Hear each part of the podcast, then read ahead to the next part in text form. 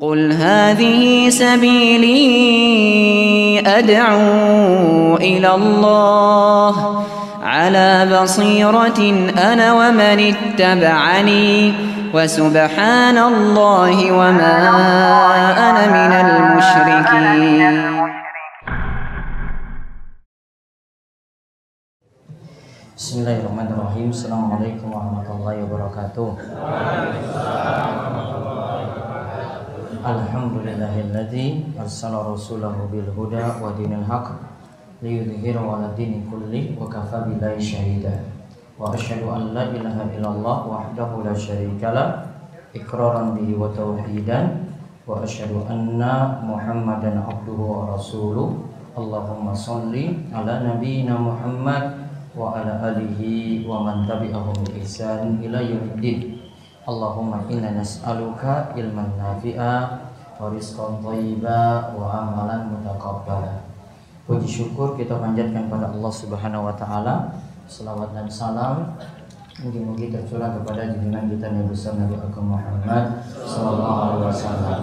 Kita akan memulai sesi yang pertama dari kitab Firqatun Najiyah karya Syekh Muhammad bin Jamil Zainu di mana nantinya kita akan lihat pemahaman-pemahaman dalam akidah Ahlussunnah wal Jamaah yang sudah diringkaskan oleh beliau dan menjelaskan pula tentang beberapa penyimpangan dalam masalah pemahaman atau manhaj yang nanti mudah-mudahan jadi ilmu yang bermanfaat bagi kita sekalian agar menguatkan akidah kita dan menguatkan juga pemahaman kita dalam beragama bisa dengan pemahaman atau manhaj metodologi yang lurus dan dijauhkan dari pemahaman-pemahaman yang menyimpang. Adapun nanti setiap uh, pembahasan dari kitab ini kita nanti bahas per bab. Kita lanjut dulu sesi yang pertama Firqotun najiyah. Firqoh itu artinya golongan. Najiyah itu selamat. Jadi kalau diterjemahkan di buku yang panjenengan pegang, jalan hidup golongan yang selamat. Ada yang punya buku berbeda dengan ini? Oh, itu yang sudah sebelumnya ya. Yang ini kita pakai yang standar yang ini dulu ya. Ada yang belum dapat? Iya. Nanti lagi dicarikan ya. Mudah-mudahan dapat. Insya Allah. Baik, dibacakan dulu. Mas Edi dari kita lihat muqaddimah terlebih dahulu di halaman 11 muqaddimah segala pujian milik Allah. Segala pujian milik Allah. Kami memuji, meminta pertolongan dan memohon ampun kepadanya serta berlindung diri kepadanya dari keburukan jiwa kami dan kejelekan perbuatan-perbuatan kami. Siapa yang diberi hidayah oleh Allah tidak ada yang mampu menyesatkannya dan siapa yang disesatkan oleh Allah tidak akan ada yang dapat memberinya hidayah. Saya bersaksi bahwa tidak ada Tuhan yang berhak disembah selain Allah semata yang tidak ada sekutu baginya dan saya juga bersaksi bahwa Muhammad sallallahu alaihi wasallam adalah hamba dan utusannya. Amma ba'du. Buku ini Buku ini membahas berbagai permasalahan-permasalahan penting yang berisi ajakan kepada kaum muslimin untuk bertauhid secara murni dan menjauhkan diri dari kesyirikan-kesyirikan yang banyak tersebar di negeri-negeri Islam. Nah, lihat. Intinya buku ini menjelaskan nanti tentang tauhid juga tentang masalah syirik. Bahkan nanti dari sini buku ini juga tahu penyimpangan-penyimpangan yang sering ya panjenengan itu lihat di negeri-negeri kaum muslimin. Ada selawat-selawat yang bermasalah nanti beliau sebut juga. Langsung beliau tunjuk nanti. Ini selawat yang bermasalah. Ya nanti jenengan ikuti saja nanti pembahasan-pembahasannya sampai beliau sebut salawat-salawat yang bid'ah atau tidak ada tuntunan. Nanti lihat di halaman 200. Saya nggak mau singgung di awal nanti. Ya, biar nanti yang hafal-hafal selawat itu bisa oh sudahlah kalau gitu nggak usah hafal lagi. Hmm.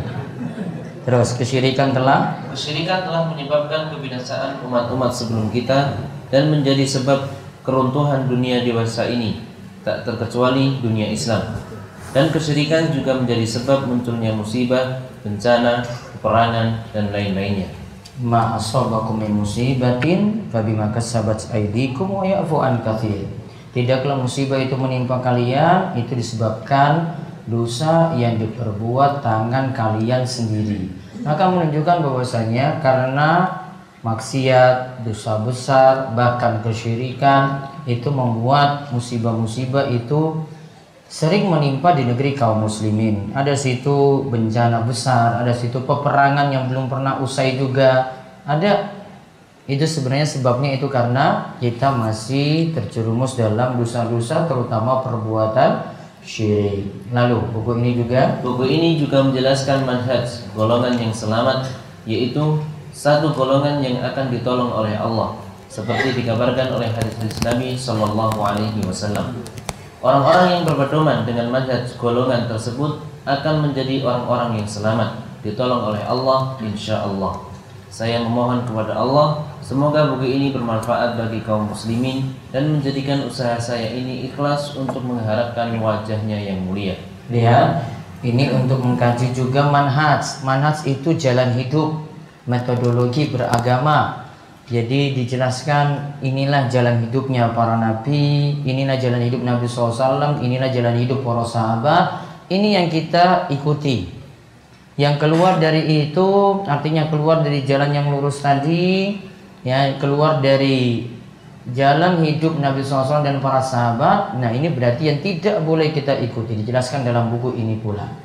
Nah setelah itu Syekh akan Syekh Muhammad Jamil Zainu bagi bahasan ini dalam beberapa bahasan.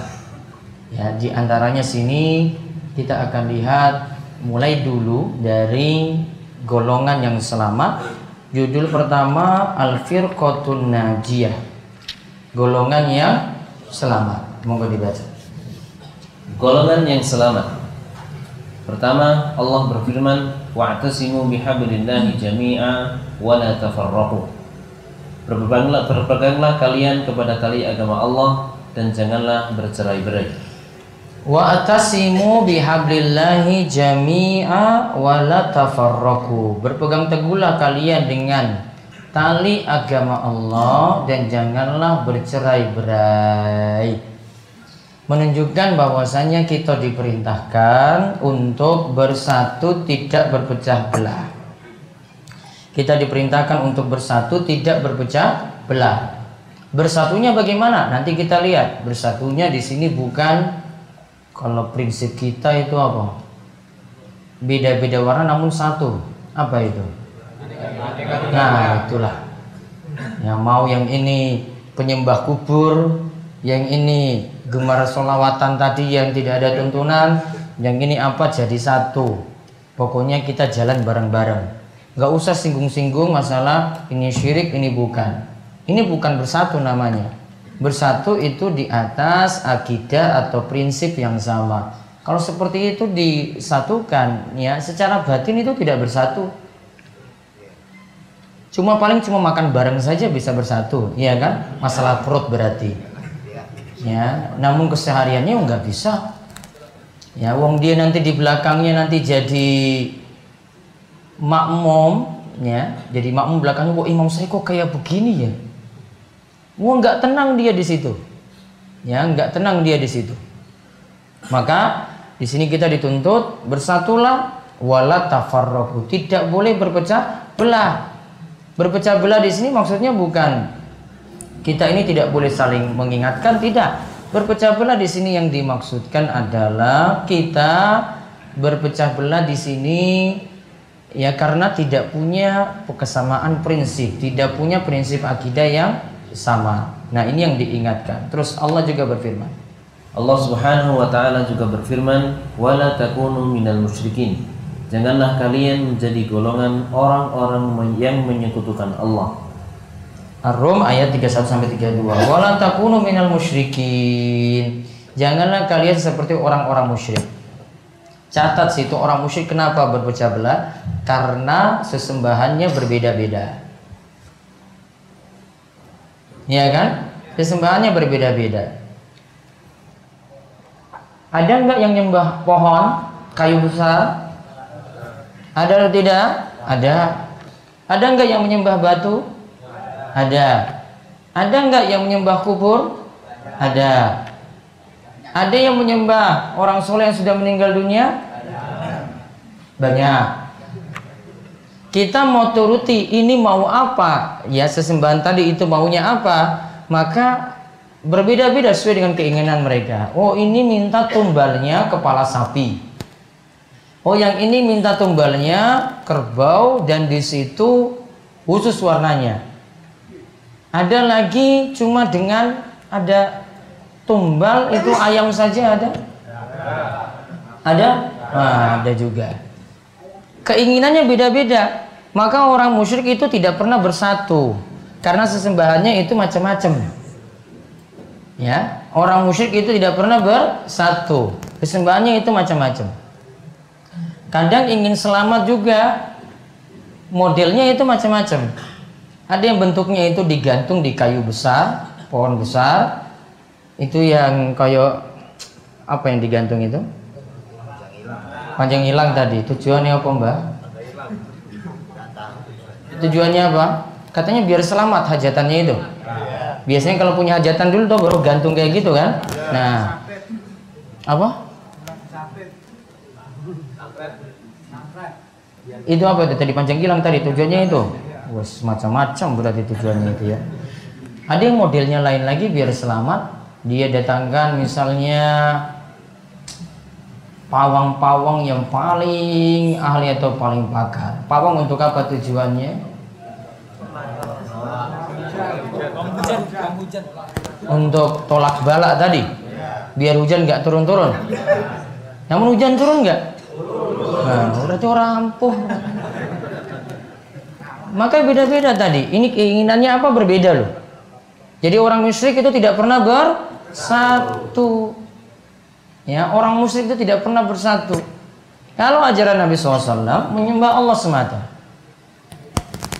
Ya, menyembah Allah Subhanahu wa taala semata wa'budullaha wa la tusyriku bihi syai'a. Sembahlah Allah saja. Allah saja yang disembah. Berarti semuanya bersatu untuk menyembah Allah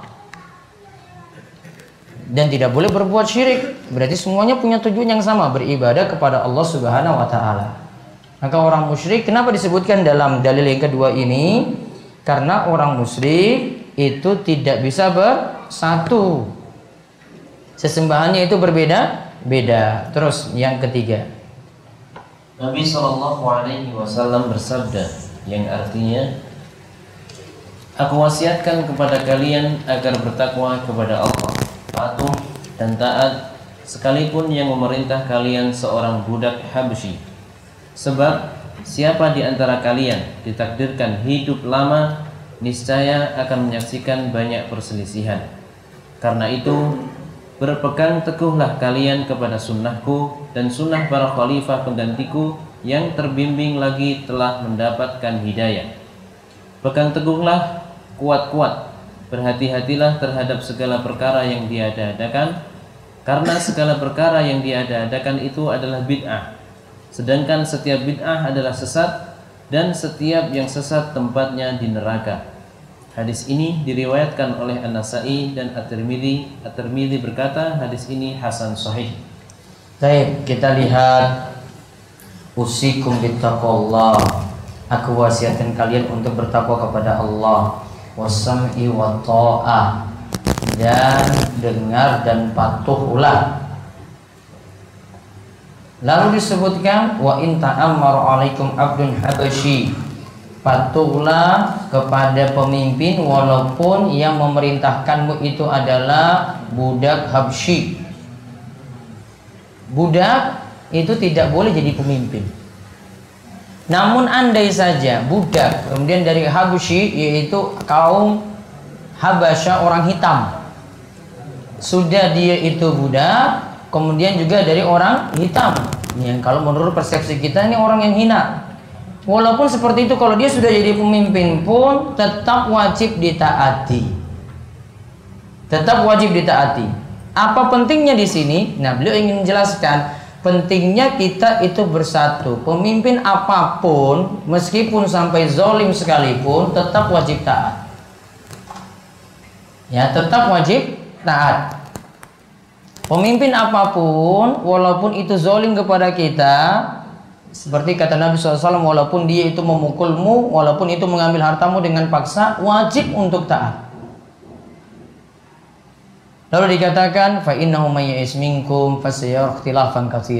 Namun bagi kalian yang hidup setelah itu nanti akan melihat perselisihan yang banyak karena tidak mau taat kepada pemimpin. Maka di antara prinsip Ahlussunnah wal Jamaah, ingatnya kalau kalau sebut Ahlussunnah wal Jamaah, ini yang kita maksud dengan al-firqatun najiyah. Kalau kita ikuti prinsip Ahlussunnah wal Jamaah, berarti punya prinsip yang utama adalah taat kepada pemimpin. Nggak senang menjelek menjelek-jelekan pemimpin, nggak senang menjatuh-jatuhkan pemimpin. Selama itu masih jadi pemimpin kita maka tetap wajib ditaati. Dan kalau memang prinsip kita seperti ini, maka nggak usah terlalu banyak sibuk-sibuk dengan dunia-dunia mau mau gantikan mau gantikan pemimpin atau tidak. Ya ada tagar-tagar kayak gitu ya. Ya kan? Nggak usah lah pakai kaos-kaos kayak begitu. Kayak nggak ada kerjaan lain saja warga kita masyarakat kita itu masih lebih penting diingatkan gimana untuk bisa sholat dengan benar iya kan dan asalnya kita itu bisa dapat pemimpin yang baik itu dari diri kita dulu kalau kita itu baik maka pemimpinnya juga jadi baik Wong kalau rakyatnya itu pemabuk, pemimpinnya juga apa berarti? Teller juga kan? Iya sama. Sama enggak? Sama. Kalau rakyatnya punya utang enggak? Punya atau enggak? Banyak. Banyak. Maka jangan harap negaramu itu, pemimpinmu itu utangnya bersih. Wong kamu saja punya utang. Betul nggak? Kok kita bahas negara terus? Padahal utang juga orang disaur loh ini. Utang juga belum dibayar-bayar. Iya kan? Bahas yang atas terus nggak sadar diri. Wah kemarin utang belum bisa bayar-bayar juga. Dia bahas yang di atas terus. Wah presiden saya itu utangnya itu banyak sekali. Nggak ngaca dulu. Wah saya utangnya lebih parah lagi. Kan cerminan itu rakyat itu cerminan ya pemimpinnya seperti itu juga. Iya kan? Nah. Coba kalau ada calon ini misalnya, ada calon ya, ada 10. Ulamanya satu. Yang lainnya itu penjudi, perampok, pelacur, artis. Kira-kira dari yang ini mungkin menang nggak yang satu ini dari yang rusak-rusak tadi? Yuk kalah ya. Dia didukung nanti semuanya itu. Yang pelaku maksiat semuanya didukung. Ya, rakyatnya seperti itu, pemimpinnya juga sama. Maka nggak usah capek-capek bahas kayak begitu, perbaiki diri saja. Kita itu jadi lebih baik, pemimpin kita itu jadi seperti apa seperti itu. Ya, maka lihat di sini ketaatan pada pemimpin itu penting sekali. Maka di suatu negara yang dia tidak ambil pusing dengan masalah-masalah kayak gitu, biasanya negaranya itu lebih aman. Ya, nggak ambil pusing dengan kayak begitu, negaranya paling aman. Coba lihat sistem yang ada di kerajaan Saudi Arabia itu nggak ambil pusing seperti itu karena sistemnya kerajaan contoh lagi di Jogja lah sini. Jogja itu nggak ambil pusing juga dengan sistem kayak begitu. Mau ngangkat atau tidak pemimpin ya kan? Gubernur nggak perlu dipilih kan? Sudah otomatis. Ada di sini rakyat itu pusing-pusing itu jatuhkan gubernur gitu ada? Ada yang berani lawan sultan sini? Hmm, sudah takut semuanya. Walat nanti. Lihat, itu nggak dikorek-korek sudah. Aman-aman saja itu. Rakyat tenang aja. Di Jogja lebih aman coba. Nggak tahu di Jakarta itu. Pemimpinnya baru dua hari satu minggu wah, sudah diisukan sana sini. Jogja nggak ada kayak gitu. Cari di koran-koran. Ada di berita di Jogja kayak gitu? Ada nggak? Kualat nanti kalau macam-macam dengan Sultan itu beritanya. Jadi jadi provinsi yang stabil. Ya, Makanya nggak usah di Jakarta lah, di sini saja. Iya kan? Paling aman. Kita nggak ambil pusing dengan kayak begitu. Ya. Nggak ambil pusing dengan tadi. Walaupun sini nggak ada sinyal nggak apa-apa. Ya. Aman sekali. Nggak ambil pusing mau ini jatuhkan gubernur ini nggak ada kan? Paling aman stabil. Tentram saja. Iya kan? Tentram. Ya paling ada demo-demo ya itu cuma mahasiswa yang kurang kerjaan saja. Biasanya anak-anak teknik kalau teknik di teknik UGM itu malas kayak gitu urus. UGM itu dibagi dua, kampus timur, kampus barat. Kampus barat tuh nggak mau ambil peduli kayak begitu. Kampus timur aja kerjaannya. Yang makin ke timur itu makin jauh lah dari Siratul Mustaqim. Ya, makin barat tuh makin aman-aman saja, tentrem. Dia nggak ambil peduli itu. Makanya kalau di kampus baratnya itu tenang-tenang aja mau sana mau lempar batu, mau hancurkan gedung kita, mana kampusnya yang hancur? Aman-aman aja. Nggak ada kampus yang hancur di situ. Karena nggak peduli kayak begitu. Paling tenang di situ. Padahal di sebelah itu sudah hancur itu, kampus timur sudah hancur itu. Rektorat ke sana itu sudah mau hancur. Kita santai-santai saja kampus itu. Nggak ada kampus yang kaca-kacanya itu hancur di kampus timur, kampus barat. Aman seperti itu, dia nggak ambil peduli. Bukan berarti kita tidak peduli kepemimpinan, tidak. Ada caranya. Dan ada sistem yang lebih bagus daripada itu. Namun beda nanti kita bahas tentang masalah lain lagi tentang masalah memilih boleh atau tidak itu masalah beda. Ini masalah kita menyikapi pemimpin itu seperti apa? Menyikapi yang sudah jadi pemimpin itu seperti apa? Itu berbeda. Ya. Maka di sini diajarkan bertakwalah kepada Allah, ya taat, wa in ta'ammar alaikum abdun habasyi walaupun yang memimpin itu adalah budak habasyi orang hitam jadi budak tetap ditaati. Walaupun kita tuh nggak senang walaupun itu bukan pemimpin yang kita pilih dulu tetap ditaati. Nggak ambil peduli dengan itu pokoknya tetap wajib taat. Itu prinsip kalau sunnah wal jamaah dari dulu sampai sekarang. Imam-imam besar prinsipnya kayak begini. Mereka pegang teguh hadis ini. Ya Pokoknya itu pemimpinnya dia wajib taati. Walaupun cara apa pun nanti untuk jadi pemimpin tadi, dia kalau sudah jadi pemimpin maka wajib ditaati. Walaupun itu dengan kudeta sekalipun, pemimpin itu diserang, dihancurkan, kemudian ganti dengan pemimpin baru dengan cara pemimpin lama dilengserkan dari situ. Sudah ada pemimpin baru, wajib taat. Karena pentingnya untuk ya kita taat pada pemimpin tadi karena maslahatnya lebih besar daripada kita ya dapat nanti bahaya. Karena kalau kita terus itu menghancurkan, meng menyerang, nggak akan habis-habisnya, nggak ada habis-habisnya. Nah lalu dikatakan prinsipnya lagi, selain taat pada pemimpin, pegang teguh ajaran Nabi. Fa'alaikum bisunnati wa sunnatil khulafa'ir rasyidin al mahdiyyin. Pegang teguhlah ajaranku. Ajaran siapa? Nabi sallallahu alaihi wasallam. Terus ajaran khulafa'ur rasyidin al mahdiyyin yaitu khulafa yang pengganti Nabi itu kan ada empat. Mereka punya sifat dua. Ar-rasyidin al-mahdiyin ar-rasyid itu artinya mendapat petunjuk dalam amal. Al-mahdiyin itu artinya mendapat petunjuk dalam ilmu. Berarti sifat orang yang kita ikuti itu baik dalam ilmu maupun amal. Saya ulang ar-rasyidin itu artinya mendapat petunjuk dalam amal. Al-Mahdiyin itu artinya mendapat petunjuk dalam ilmu. Berarti orang yang baik kita ikuti itu adalah orang yang mendapat petunjuk dalam ilmu dan amal. Ilmunya benar, amalnya juga benar. Ilmunya benar, amalnya juga benar.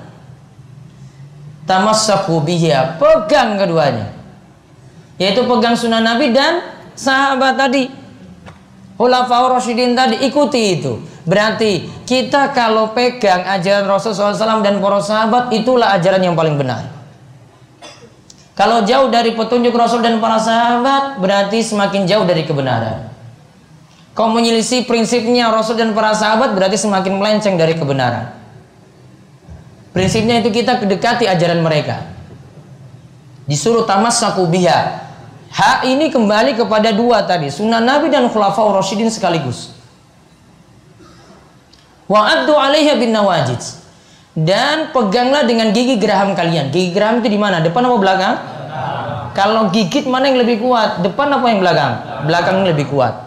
Maka pegang itu kuat-kuat, jangan lepas. Berarti kalau sudah paham prinsip Nabi SAW dalam beragama, pegang itu kuat-kuat, nggak boleh lepas. Ikuti dalilnya. Lalu Nabi SAW ingatkan wa iyyakum wa muhdatsatil umur. Hati-hatilah dengan perkara yang dibuat-buat. Fa inna kulla muhdatsatin bid'ah. Dan ingatlah perkara yang dibuat-buat itu adalah bid'ah wa kulla bid'atin dolalah. Setiap perkara yang dibuat-buat tadi itu adalah dolalah sesat. Wa kulla dolalatin finnar. Dan setiap kesatan tempatnya di neraka. Diancam itu orang yang berbuat bid'ah. Bid'ah itu berarti membuat amalan-amalan yang tidak ada tuntunan. Nanti akan kita lihat penjelasan dari Syekh Muhammad Jamal Zainu. Namun di sini diingatkan tentang bid'ah dan dikatakan di sini semua bid'ah itu sesat. Berarti tidak ada bid'ah hasanah. Tidak ada bid'ah yang baik. Karena kalau kita pakai prinsip ada bid'ah yang baik, nanti terserah Pak Takmir berarti. Nanti terserah masjid A, masjid B. Tergantung selera masing-masing. Tergantung prinsip beragama masing-masing. Oh ini yang ini zikirnya diam saja, nggak usah keras-keras. Oh yang ini keras. Oh yang ini prinsip ibadahnya beda lagi. Oh ini harus keras, kepalanya goyang-goyang pokoknya. Ya la ilaha illallah. Iya kan? Ada yang kayak gitu? Nah, coba di dirukiah lah, siapa tahu ada sesuatu. Kalau nggak pakai prinsip yang satu, ibadahnya beda-beda. Yang ini ibadahnya sendiri, ibadahnya sendiri karena tidak manut pada tuntunan. Maka bid'ah itu yang menyebabkan perpecahan. Melakukan amalan yang tidak ada tuntunan itu yang menyebabkan perpecahan. Sama dengan syirik tadi, syirik itu buat pecah belah. Bid'ah juga buat pecah belah. Adanya bid'ah itu kita sulit bersatu. Namun kalau semuanya ikuti ajaran Nabi, bersatu semuanya itu.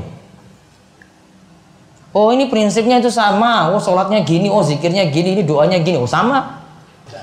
Maka setiap bid'ah itu sesat. Tidak ada istilah bid'ah hasanah menurut pendapat yang paling kuat.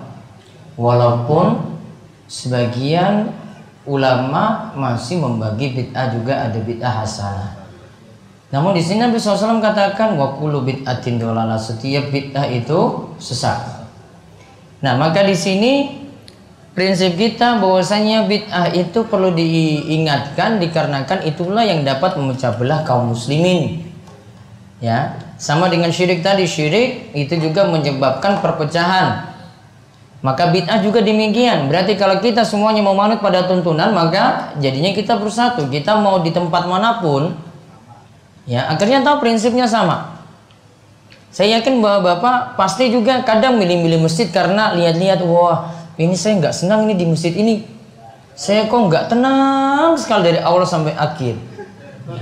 Padahal kalau kita pergi ke masjid yang kita senangi sini ini juga bukan masjid harian saya tapi saya tahu oh oh masjid ini biasanya saya datang. Padahal beda kecamatan ini misalnya beda kabupaten tapi tahu oh ini masjidnya ini bagus nih saya sholat di sini orang yang punya prinsip yang sama akan tahu saja dari bagaimana cara ibadahnya, bagaimana itu keseharian ritual ibadahnya tahu. Sehingga mau sholat di situ tenang sekali. Betul nggak bapak? Nah, tahu seperti itu. Karena dia tahu, oh ini saya tuntunannya seperti ini, ini juga tuntunannya sama.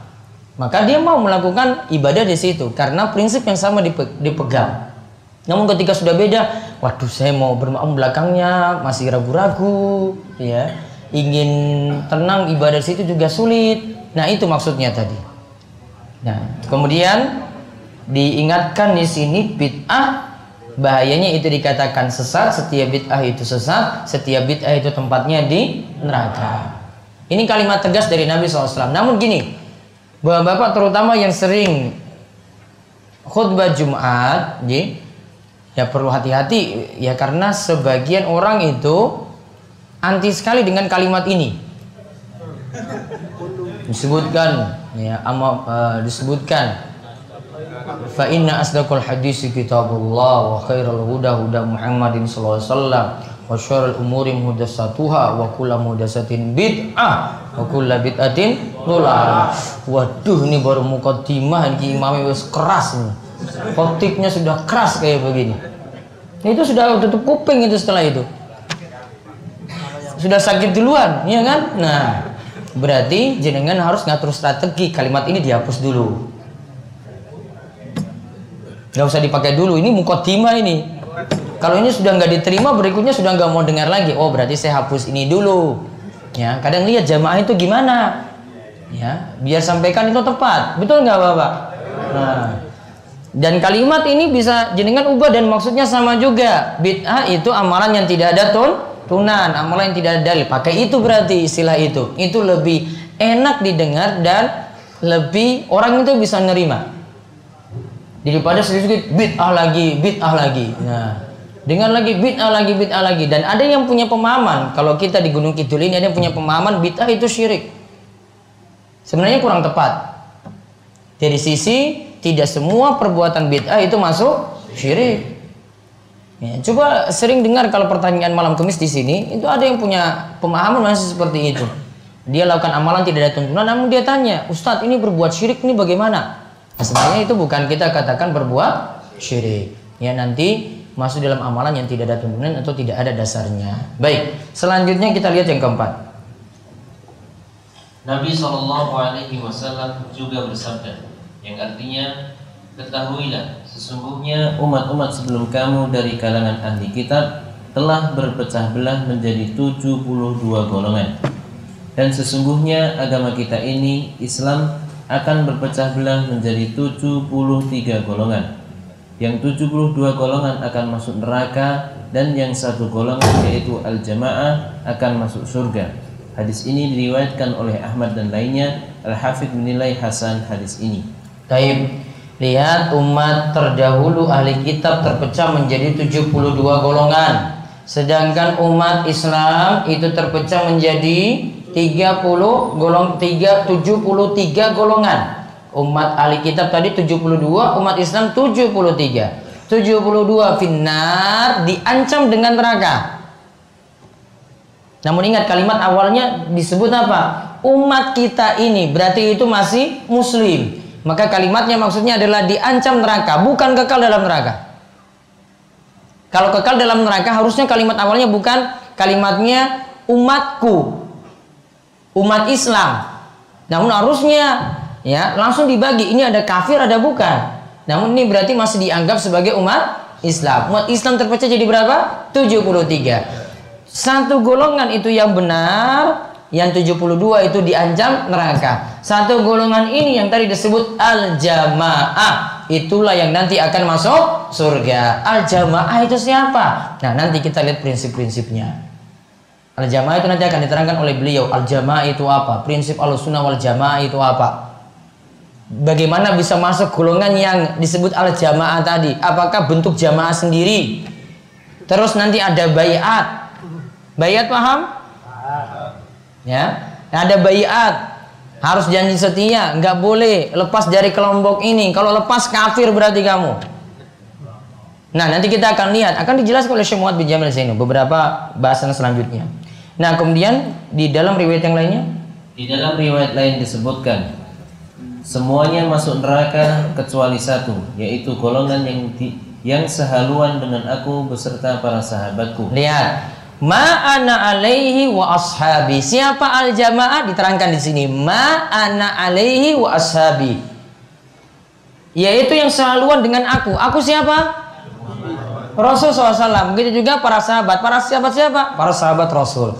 Berarti yang dimaksudkan dengan al-jamaah adalah mengikuti prinsip Rasul dan para sahabat. Jadi kalau ada pertanyaan al-jamaah itu apa? Yaitu mengikuti prinsip Rasul dan para sahabat. Terus yang kelima. Dari Ibnu Mas'ud ia berkata, Rasulullah Shallallahu Alaihi Wasallam pernah membuat garis dengan tangannya, lalu bersabda, ini jalan yang lurus. Kemudian beliau membuat beberapa garis di kanan kirinya, lalu bersabda, ini semua adalah jalan-jalan sesat. Pada masing-masing jalan ini ada setan-setan yang menyeru untuk masuk ke situ. Kemudian beliau membaca firman Allah Subhanahu wa taala, Sesungguhnya ini adalah jalanku yang lurus. Oleh karena itu, ikutilah. Janganlah kalian mengikuti jalan-jalan lainnya, karena jalan-jalan tersebut akan mencerai-beraikan kalian dari jalanku yang lurus itu. Begitulah Allah menyuruh kalian agar kalian bertakwa. Hadis sahih ini diriwayatkan oleh Ahmad dan An-Nasai. Lihat, khattalana Rasulullah SAW. Kata Ibnu Mas'ud, Rasulullah SAW itu pernah membuat garis yang lurus. Sumakal. Kemudian Nabi SAW katakan, ini adalah jalan yang lurus. Jalan Allah yang lurus. Wa.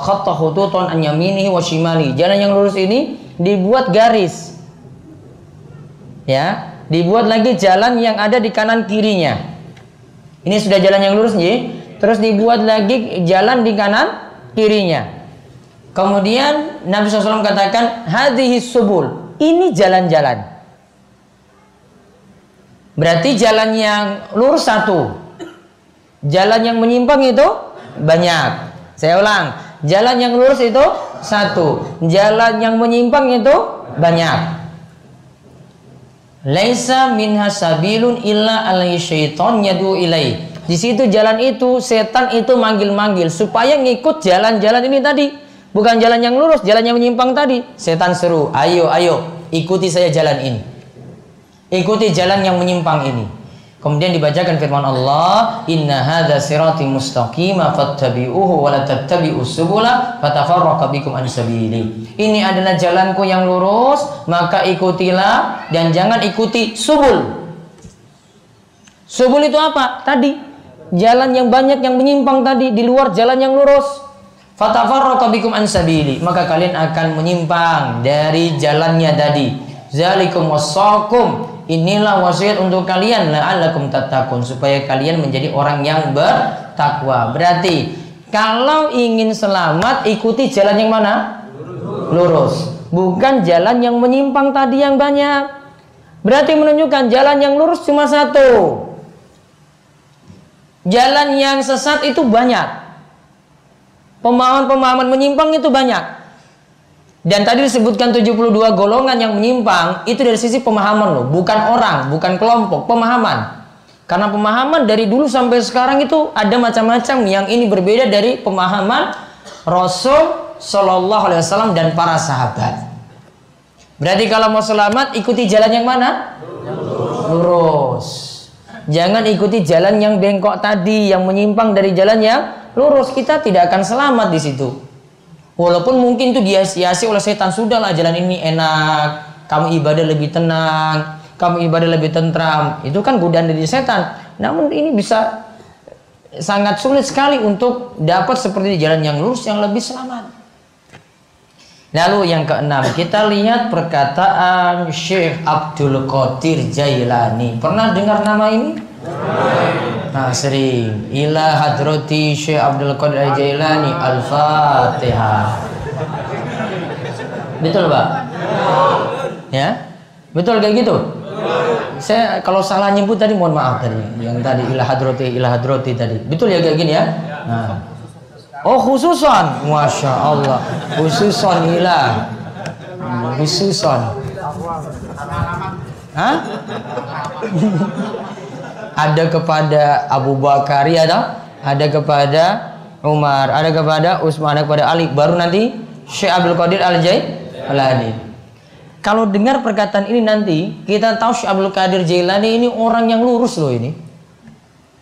Coba lihat di sini perkataannya. Di sini lihat Syekh Abdul Qadir Jailani. Syekh Abdul Qadir Jailani di dalam kitabnya Al-Ghunyah berkata, Adapun golongan yang selamat adalah ahlus sunnah wal jamaah dan tidak ada nama lain bagi ahlus sunnah kecuali satu nama saja yaitu ashabul hadis. Berarti pemahamannya lurus nggak? Berarti siapa yang salah menyikapi? Ya itu tadi itu yang tadi kirim-kirim ilah hadroti tadi itu. Itu berarti yang salah menyikapi. Lurus loh ini pemahamannya. Yang benar itu yang ngikuti al-sunnah wal jamaah.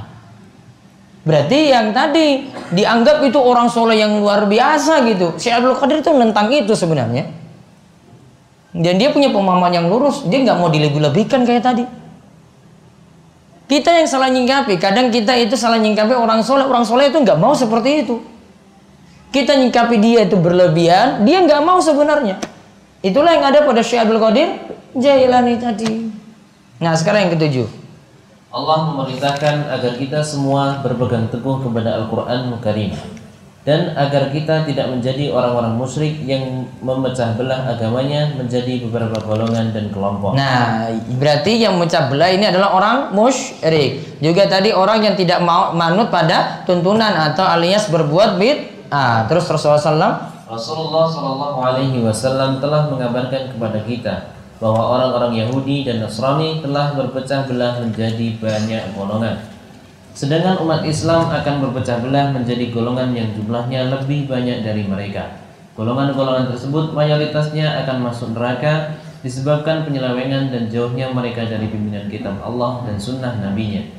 Namun ada satu golongan dari golongan-golongan tersebut yang akan masuk surga, yaitu al-jamaah yang senantiasa berpegang teguh kepada Alkitab dan hadis-hadis sahih serta melaksanakan apa-apa yang menjadi amalan para sahabat.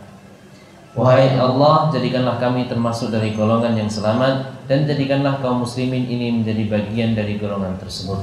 Amin. Ya, al-jamaah berarti digaris bawahi. Al-jamaah adalah yang senantiasa berpegang teguh kepada Alkitab dan hadis-hadis sahih serta melaksanakan apa-apa yang menjadi amalan para sahabat. Ada situ tinggal di garis bawahi.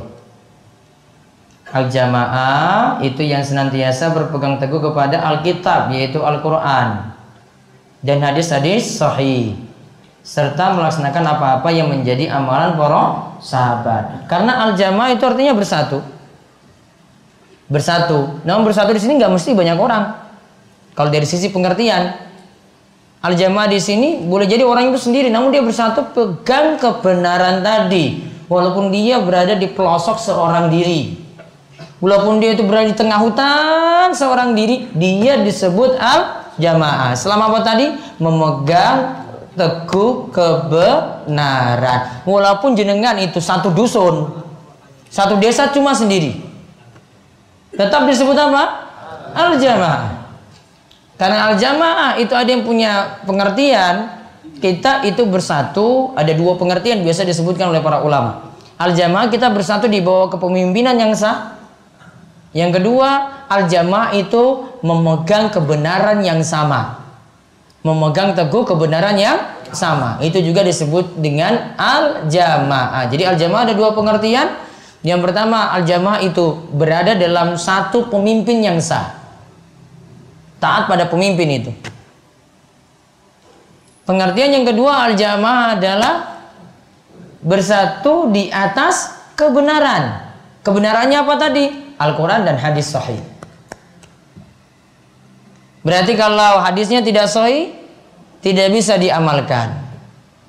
Yang diamalkan itu hanyalah hadis-hadis yang sahih sahih saja. Ya demikian yang kita bahas yang mudah-mudahan bermanfaat. Ya kita tutup kalian doa kafaratul majelis monggo. Subhanakallahumma bihamdika asyhadu alla ilaha illa anta astaghfiruka wa atubu. Assalamualaikum warahmatullahi wabarakatuh.